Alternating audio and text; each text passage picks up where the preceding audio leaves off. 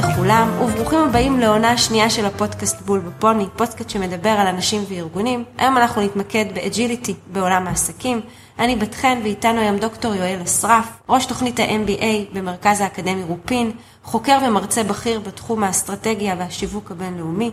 המחקרים של יואל פורסמו בכתבי עת אקדמיים יוקרתיים, כמו למשל ב-International Marketing Review וב-International Business Review, ובעבר הוא שימש בתפקידי ניהול בכירים בתעשייה. יואל, שלום, ברוך הבא. שלום, שלום, בת חן, אה, כיף להיות פה בפעם השנייה. יצא לנו טוב, אז החלטנו להיפגש בשנית. נכון. אז בפעם הראשונה דיברנו על כללים פשוטים לניהול, ומי שרוצה יכול כמובן אה, לחזור ולשמוע.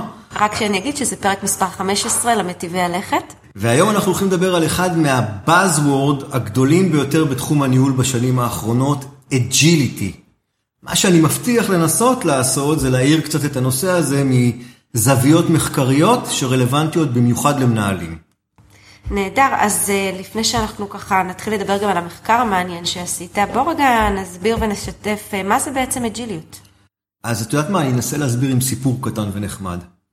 2014, אני ככה בשלבים סופיים של הדוקטורט שלי, ומתחיל לחשוב על הפוסט-דוקטורט, ואומר לי המנחה שלי, אתה חייב אה, לעשות איזושהי תקופה עם אחד הפרופסורים הגדולים בחו"ל בתחום הזה. ואני אומר לעצמי, בסדר, אני עכשיו צריך למצוא מישהו. אני מכין רשימה של עשרה פרופסורים, את יודעת, זה אנשים כבדים, רציניים, אה, כולם היו אה, מאירופה, ואני מכין מייל מסודר ויפה, ואני שולח לראשון, שהוא היה עורך של ז'ורנל מאוד מאוד נחשב, אחרי חצי שעה אני מקבל תשובה, מצטער יואל, ההיקף עבודה שלי כרגע לא מאפשר את זה. אוקיי, שולח לשני, חושב שייקח לו שבועיים לענות לי, והוא עונה לי אחרי חצי שעה, נהדר, מחר סקייפ.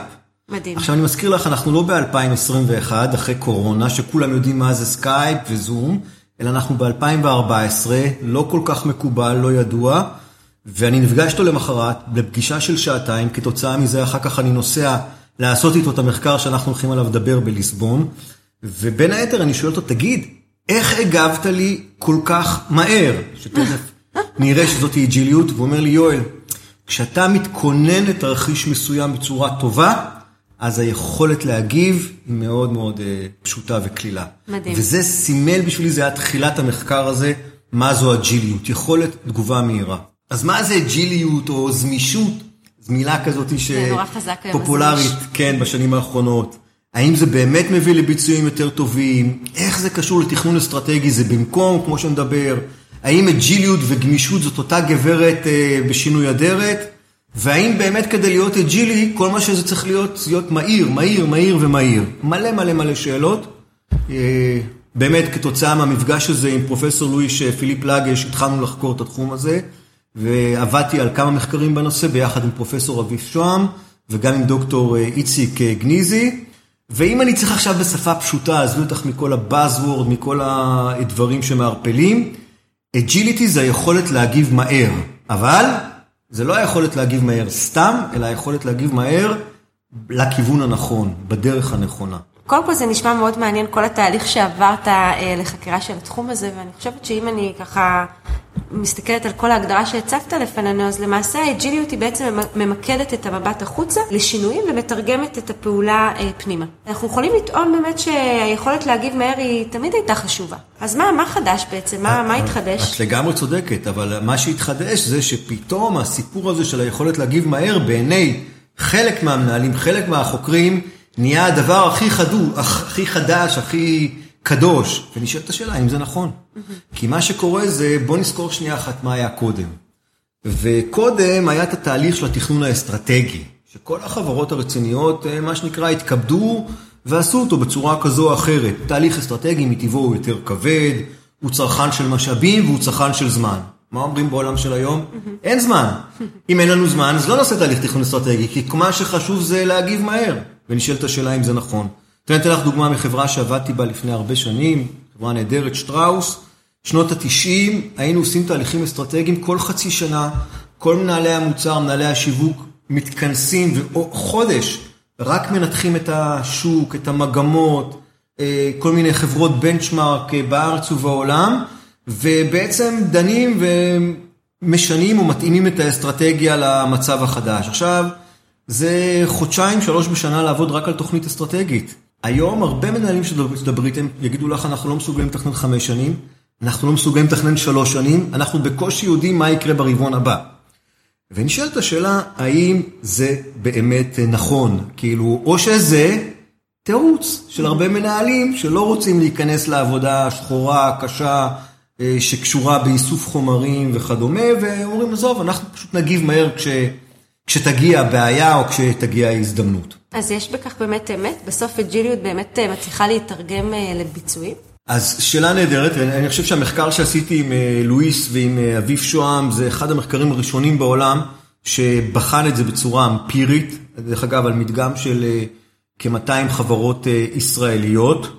פלוס רעיונות עומק אחר כך, ומצאנו שם שקודם כל התחושת בטן של מנהלים שאג'יליות זה דבר טוב, היא נכונה. כן, אג'יליות עוזרת להשיג ביצועים יותר טובים, דרך אגב במיוחד של מוצרים חדשים. עכשיו זה לא דבר של מה בכך, כי רוב המוצרים החדשים בעולם נכשלים. זאת אומרת, חברות משקיעות, מפתחות, משיקות, מקדמות, בוף, בסוף זה נכשל, לא משנה אם אתה סטארט-אפ או חברה גדולה.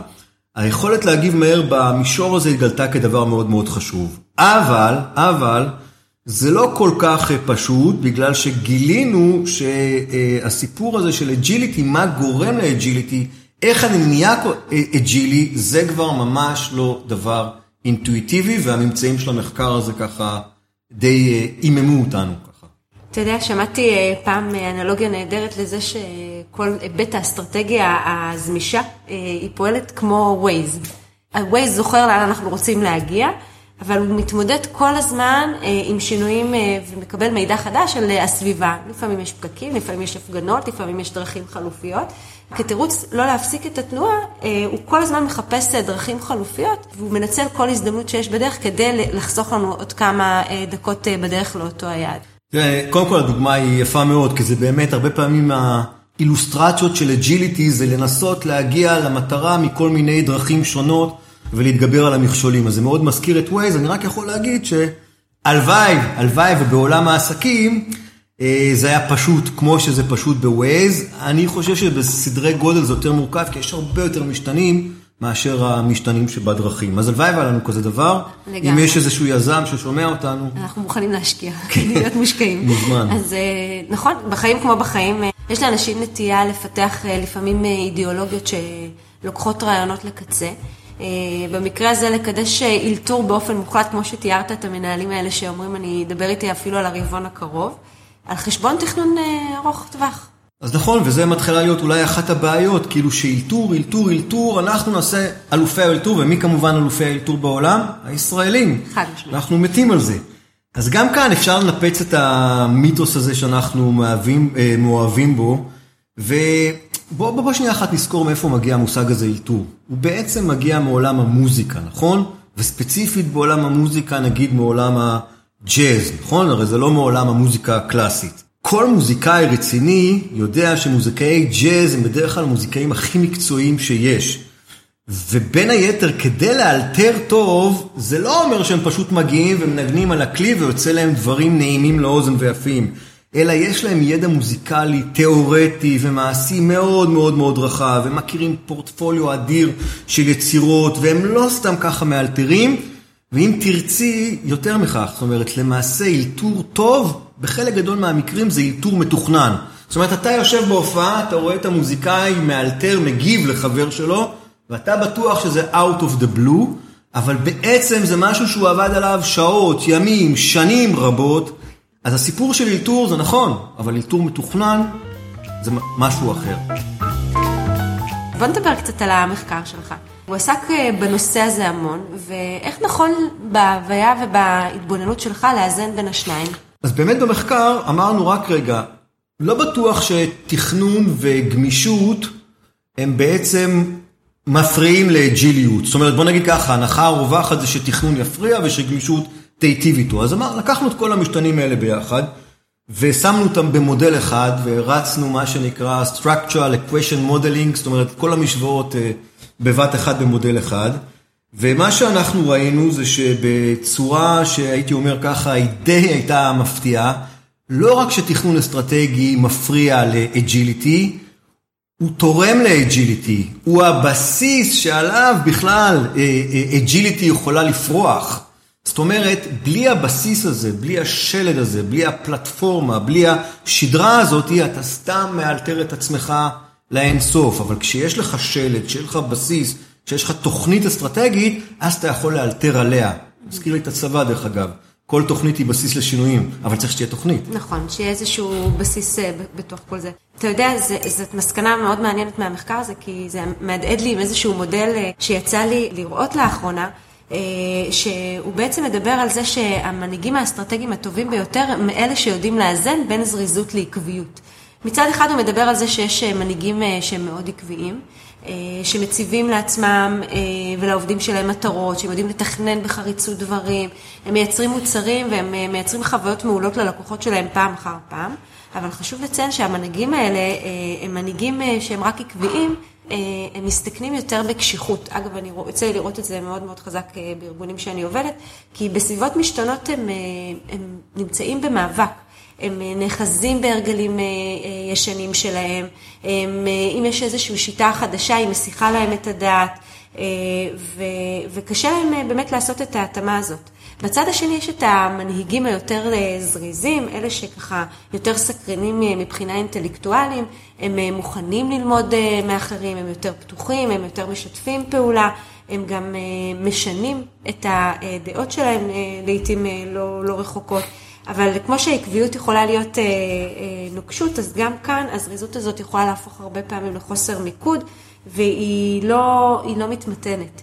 עכשיו, אני חושבת שאם מנהיג הוא זריז בלבד, אז הוא עשוי ככה להפוך את החזון שלו לסיכון מאוד גבוה, משום שהוא יכול להיות הרבה פעמים חסר חדות דעת. דיברת על העניין של התוכנית, והוא גם לא, הוא לא תמיד יודע להתמסר עד הסוף לביצוע. עכשיו, מה שיפה במודל הזה, ככה שמציב את שני הקצוות, זה שהוא בעצם אומר, בואו נראה איך אנחנו משלבים ביחד בין העקביות לבין הזריזות. והוא אומר בסוף שמנהיגים שיכולים להפוך מצד אחד להיות מנהיגים אסטרטגיים, וככה ללכת לפי מטרה בארגון ולחבר את כולם בצורה מאוד מצוינת, הם, הם אותם מנהיגים שיש להם גם סטנדרטים מאוד איכותיים, הם יודעים להמשיג את היעדים שלהם, להגיד מה הם רוצים, מה הם מצפים, אבל הם כן פתוחים לשינויים. זאת אומרת, כל הסגירות של העקביות יורדת, והם גם שומרים כל הזמן על הסביבה החיצונית שלהם. זאת אומרת, הם כל הזמן מבינים אה, מה קורה בחוץ ומתכתבים עם מה שקורה בחוץ, אה, והם אה, מבינים שהדרכי העבודה הישנות שלהם כבר פחות אה, רלוונטיות. מה שאת אה, הצגת עכשיו זה באמת די מזכיר את אה, מה שאנחנו עשינו במחקר, אה, רק שבמקום להגיד צריך גם וגם, אני בדרך כלל משתדל לתת תשובות יותר חדות, וזה הנתונים מאפשרים לנו לעשות. אז באמת, כאילו, קודם כל מצאנו בצורה מפתיעה שתכנון אסטרטגי הוא עדיין חשוב. אם תרצי, הממצאים הראו ש-60% מיכולת האג'יליות, מיכולת התגובה, תלויה קודם כל ברמת התכנון האסטרטגי.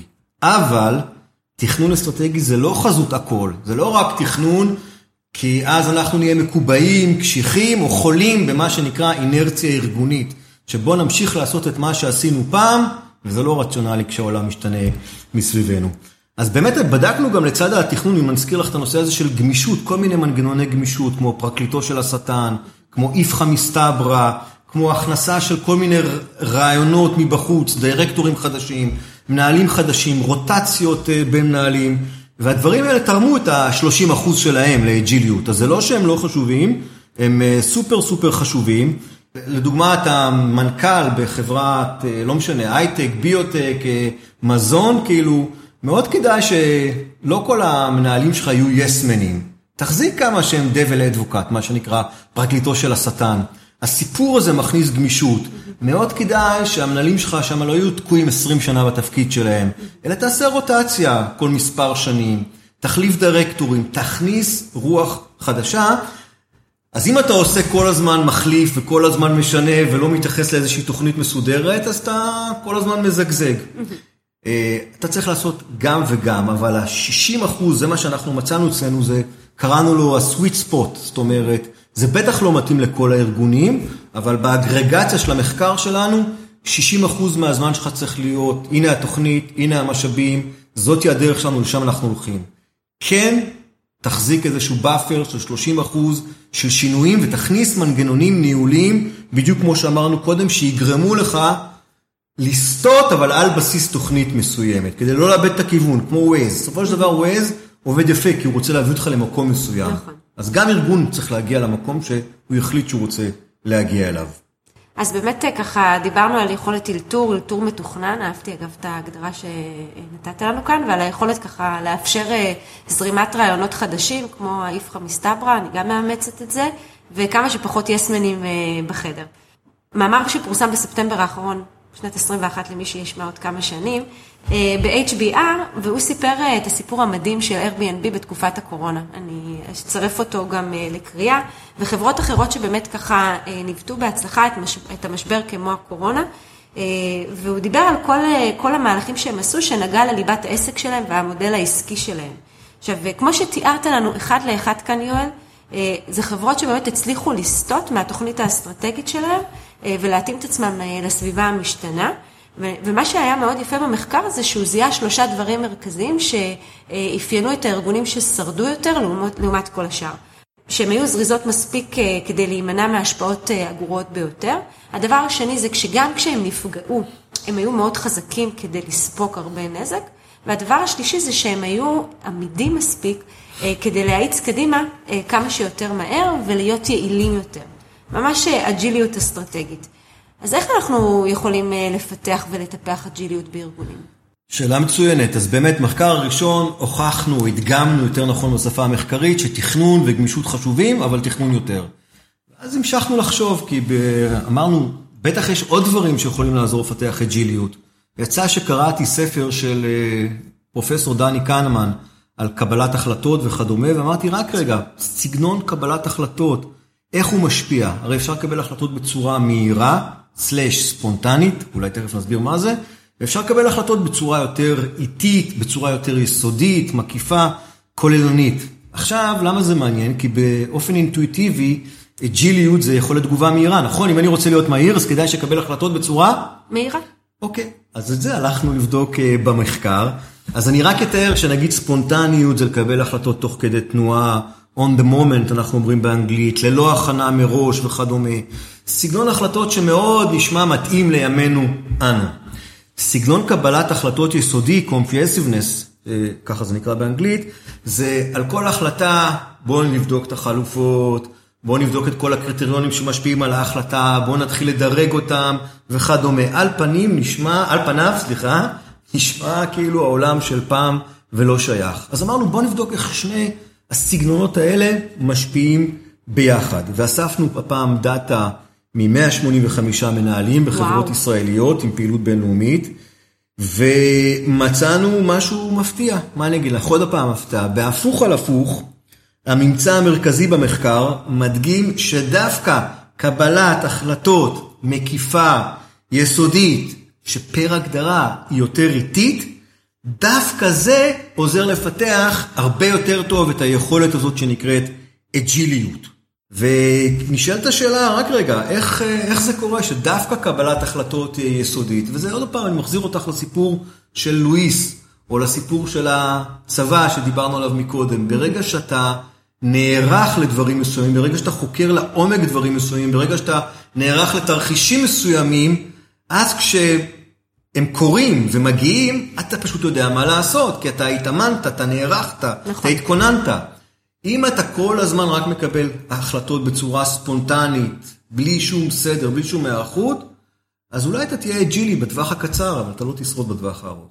השרידות פה בטווח הארוך היא מאוד מאוד, מאוד קריטית, ואני מאוד uh, שמחה שהוספת לנו את uh, משתנה תהליכי קבלת החלטות, כי קודם כל זה נותן uh, לכל ההיבט האג'ילי להיות יותר מפוקח. וזה בעיניי פרספקטיבה מאוד מאוד מעניינת להסתכל על האג'יליות גם ביום יום של ארגונים, ואני באמת מתחברת לכך. דיברנו ככה לאורך השיחה שלנו על האיזון בין תכנון אסטרטגי ומנגנוני גמישות ניהוליים ברמת הניהול הזמן וגם לגבי חלוקת המשאבים, ודיברנו על יצירת מנגנונים שככה מאתגרים קשיחויות. והייתי רוצה להתייחס בקצרה לעוד שלושה היבטים חשובים. היבטים שלי באופן אישי עוזר, עוזרים מאוד כשאני מלווה את הארגונים שאני נמצאת בהם, שאגב הם מאוד מסורתיים מצד אחד, אבל מצד שני האג'יליות היא משהו שהיא מאוד מאוד קריטית. אז קודם כל זה ההיבט של המידע. Uh, המידע, uh, בתחילת השיחה ככה פרסת לפנינו את העובדה שאנחנו, יש מאוד מאוד חשיבות מאוד גבוהה לתגובה המהירה שלנו. Uh, ואנחנו רואים את זה בכל ארגון שיש כניסה של מתחרים, כניסה של טכנולוגיה, הופעת איומים כמו הקורונה ויהיו עוד מלא אחרים. יש המון הזדמנויות עסקיות בדרך ויש יותר ויותר מידע שזורם בתוך הארגון שיכול לעזור לנו ככה להבין את המימדים האלה בצורה טובה. וכל ארגון שהוא חפץ חיים אה, יכול, יכול וצריך לייצר את המנגנונים הפנימיים שלו בעיניי, ולאסוף את המידע הזה בצורה הטובה ביותר, כדי שהוא ידע לה, להעריך ולהיערך כמה שיותר טוב. זה, אני נותנת לזה ממש אה, אנלוגיה לעולם המודיעין. ככל שאתה אוסף יותר טוב, אתה ערוך יותר טוב ללחימה. המנהלים שנמצאים היום בשוק העבודה חייבים לדעת להפנות קשב והמטרה היא בסופו של דבר להביא כמה שיותר לשולחן ידע שהוא רלוונטי, לאבד אותו ולהוציא ממנו כמה שיותר מהר, כמו שתיארת, המהירות לצד המפוקחות, כמה שיותר מהר אה, ולהגיב ככה לשינויים. הדבר הנוסף שאני ממליצה עליו זה הנושא התרבותי. אה, ואת זה אני רואה אגב גם מאוד מאוד חזק בצבא וגם בארגונים אחרים, אה, לטפח תרבות שהיא מעודדת לקיחת סיכונים. אה, מצד שני, היא מתגמלת, אה, היא מתגמלת אה, למידה והיא גם סבלונית יותר לכישלונות.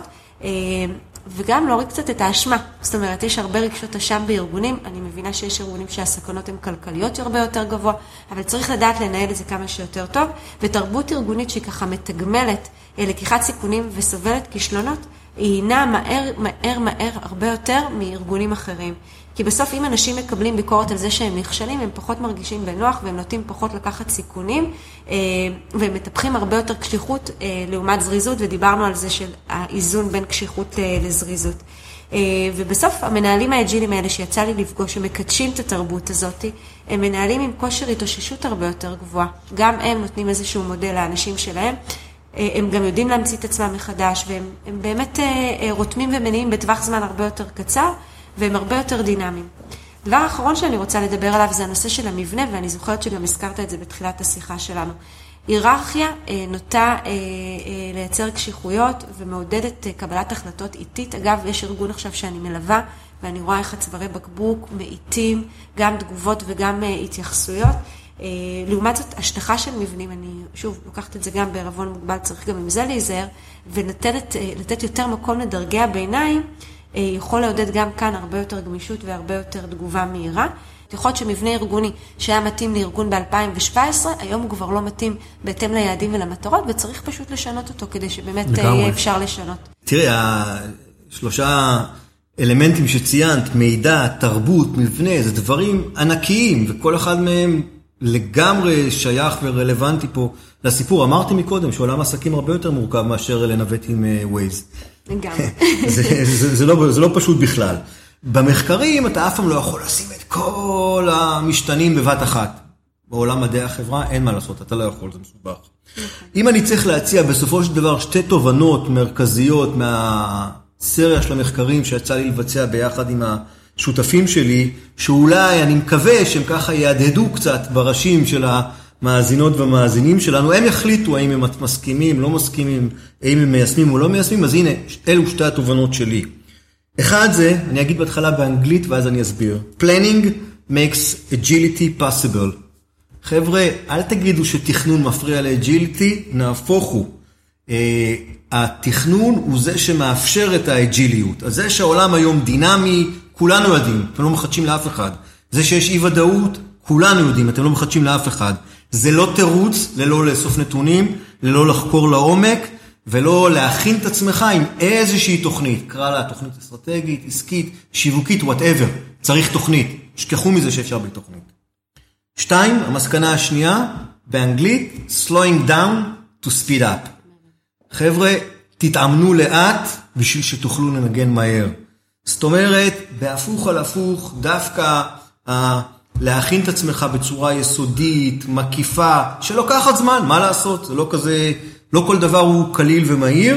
דווקא זה יכול להביא אתכם למצב שבבוא העת, כשתצוץ ההזדמנות או יצוץ המשבר, תהיו מסוגלים להגיב לו במהירות. אז שני הדברים האלה ביחד מבחינתי זה, זה, זה agility. אז planning ו-comprehensiveness, יסודיות, סופר חשוב, לצד הגמישות, לצד האלתור, לצד הכל. וואו, יואל, עובר הזמן מהר, כמו תמיד, קליל איתך ומלמד, ופשוט... תודה רבה, אה, גם לי כיף. אני חייבת לציין שהיה מאוד אה, גמיש וזריז גם פה. התכוננו טוב, נכון? התכוננו טוב, היה כאן תכנון טוב אה, בדיוק, לפני. בדיוק. ו- אם לא היינו. מתכוננים, היינו סתם מתבלבלים. נכון, לגמרי. אז אה, אני מאוד מודה לך. תודה על רבה השיחה לך. הקולחת בפעם השנייה. ואני מאמינה שזה עוד לא סופי עד שזה לא סופי בינינו. אנחנו מחכים לפעם השלישית. לגמרי. תודה רבה רבה. תודה. להתראות.